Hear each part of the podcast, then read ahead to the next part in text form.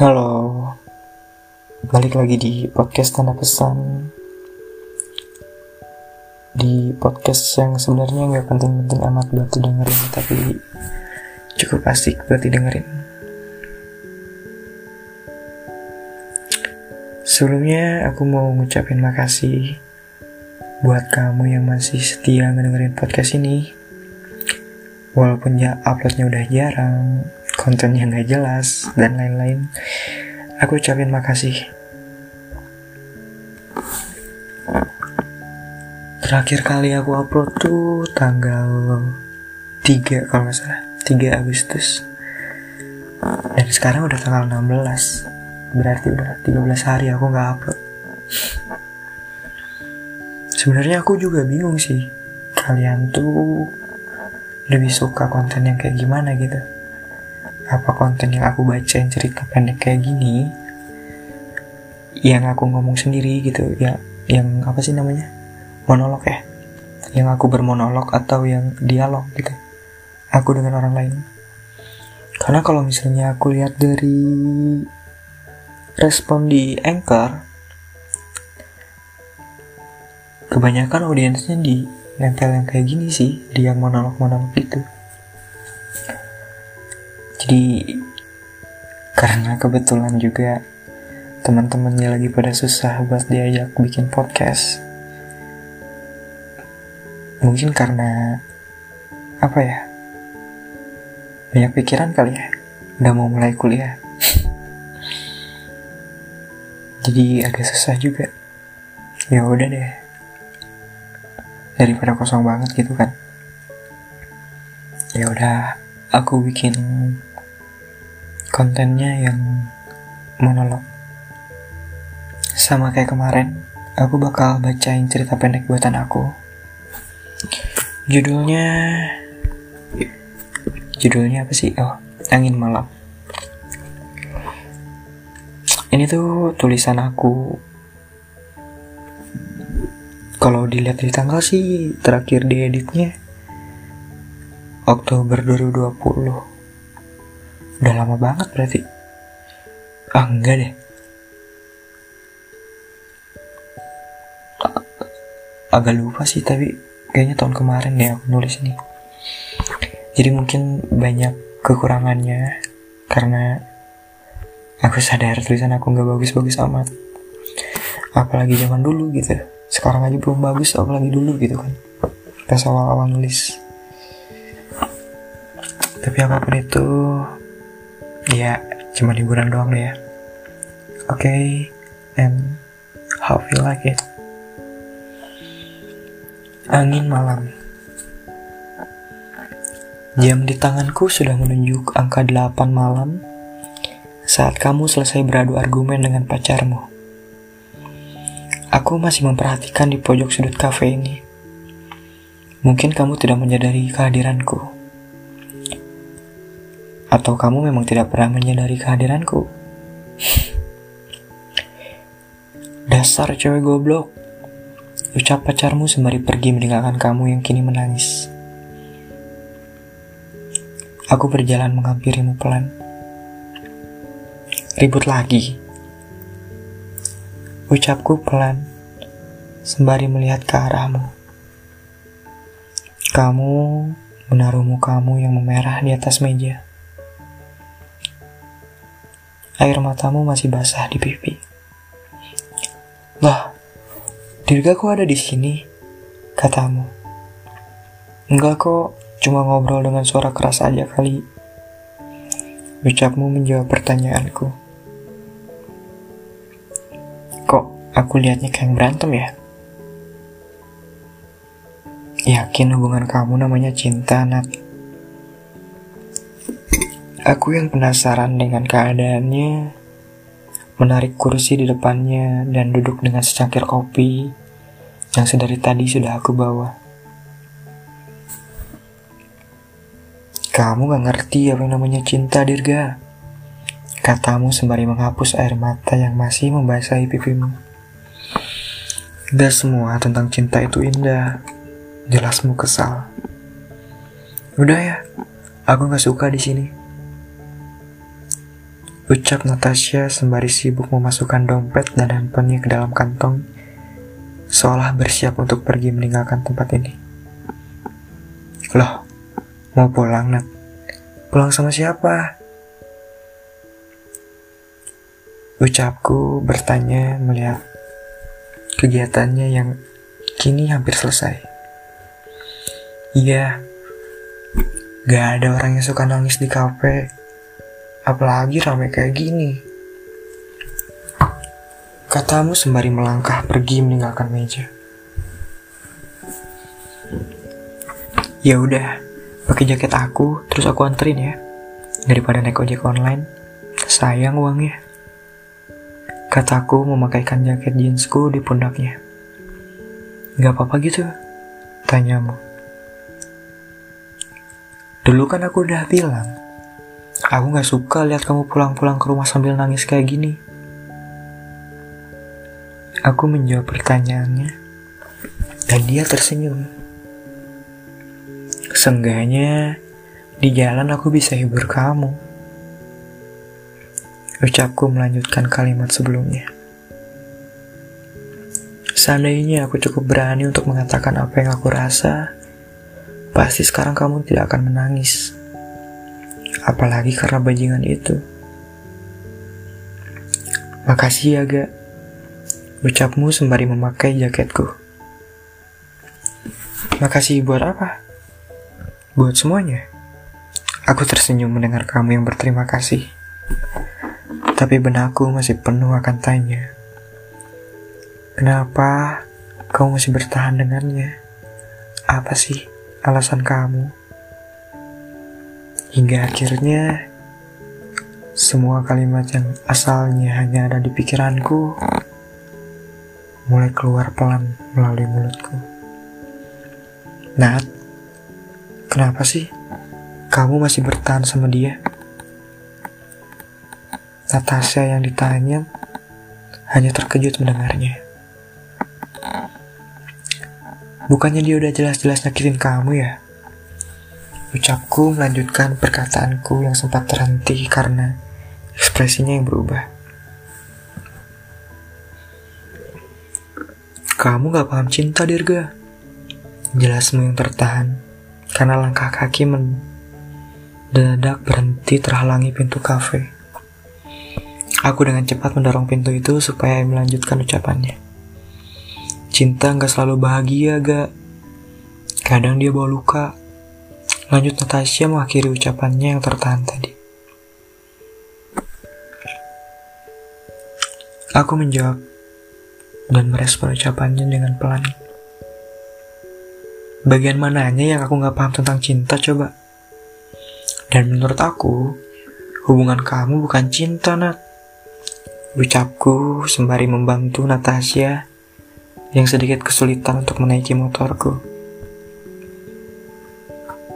Setelah Natasha berhasil duduk, dia berkata, jatuh cinta dulu makanya, baru ngomong. Aku tersenyum mendengar ucapannya. Udah, cepet jalan. Aku mau cepet-cepet pulang. Dia melanjutkan ucapannya yang berhenti sesaat. Kamu gak tahu aja kalau aku udah kenalan sama si cinta.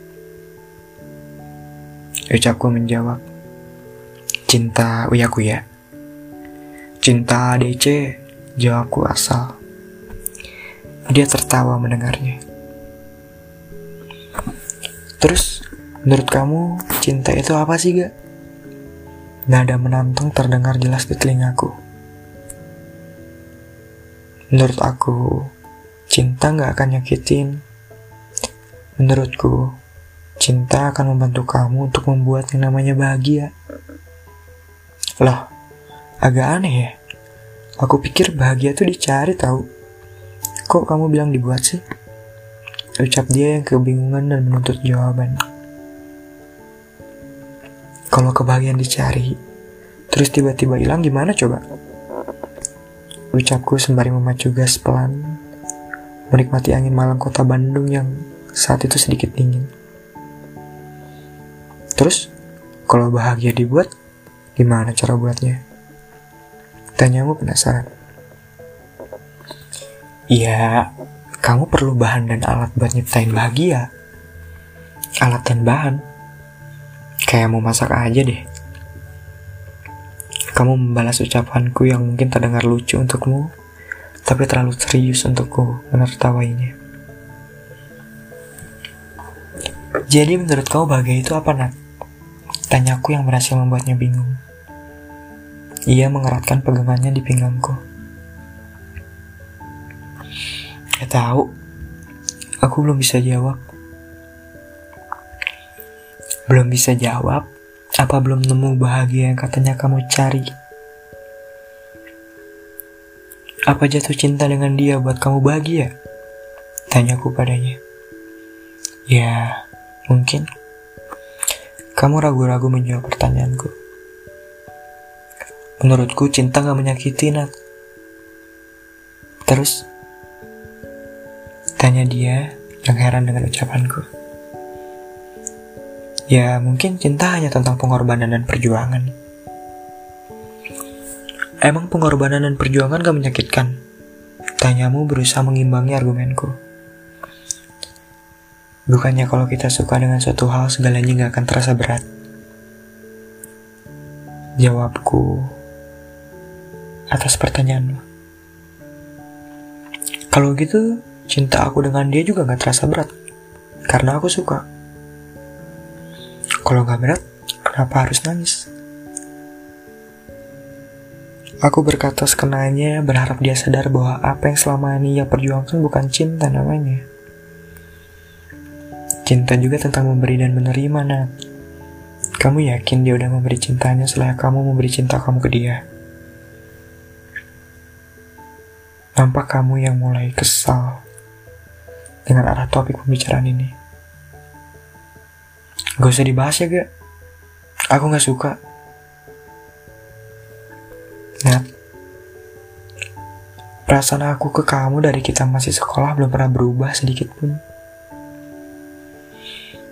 Entah setan dari mana yang membuatku cukup berani mengungkapkan isi hatiku yang selama ini aku tahan sejak gagalnya aku dulu. Kamu melepas perlahan pegangan di pinggangku. Dari arah kaca spion aku dapat melihat raut wajahmu yang nampak terkejut. Maksud kamu gak? Dari dulu aku selalu sayang sama kamu dan selalu jadi pengecut yang cuma bisa diem.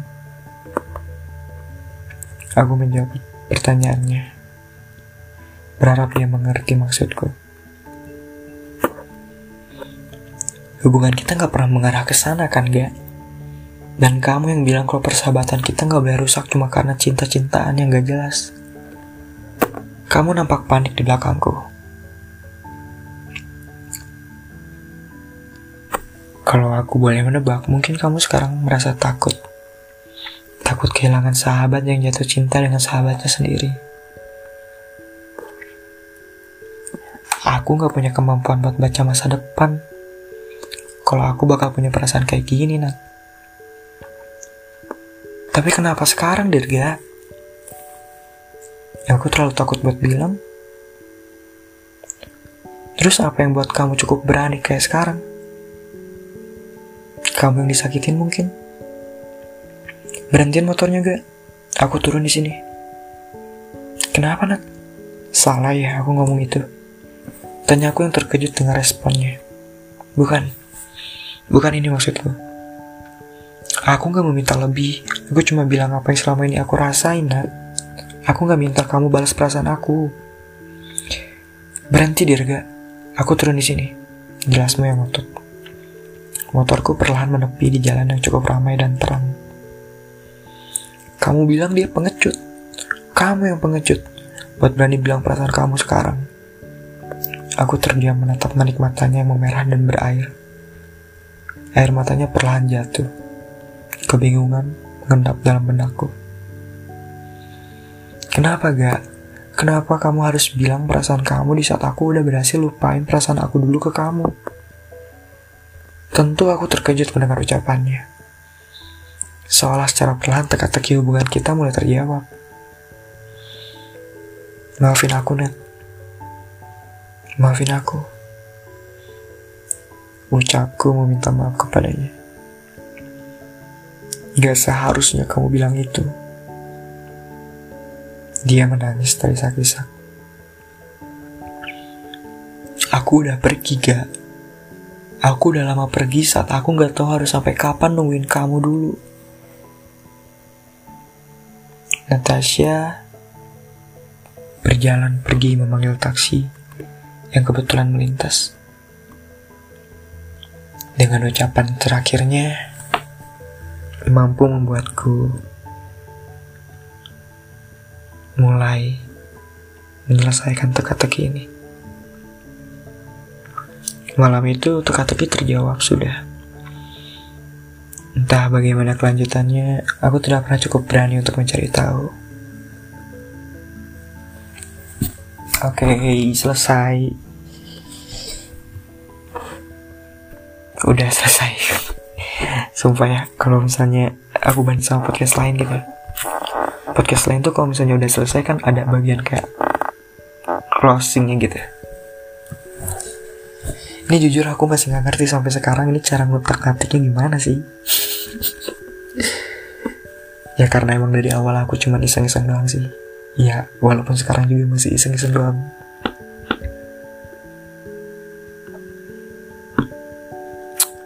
Apa pun itu, makasih buat kamu yang udah dengerin ya. Aku harap kalian terhibur atau mungkin nemenin kamu untuk tidur. Oke, sampai jumpa di podcast selanjutnya. Dan See you.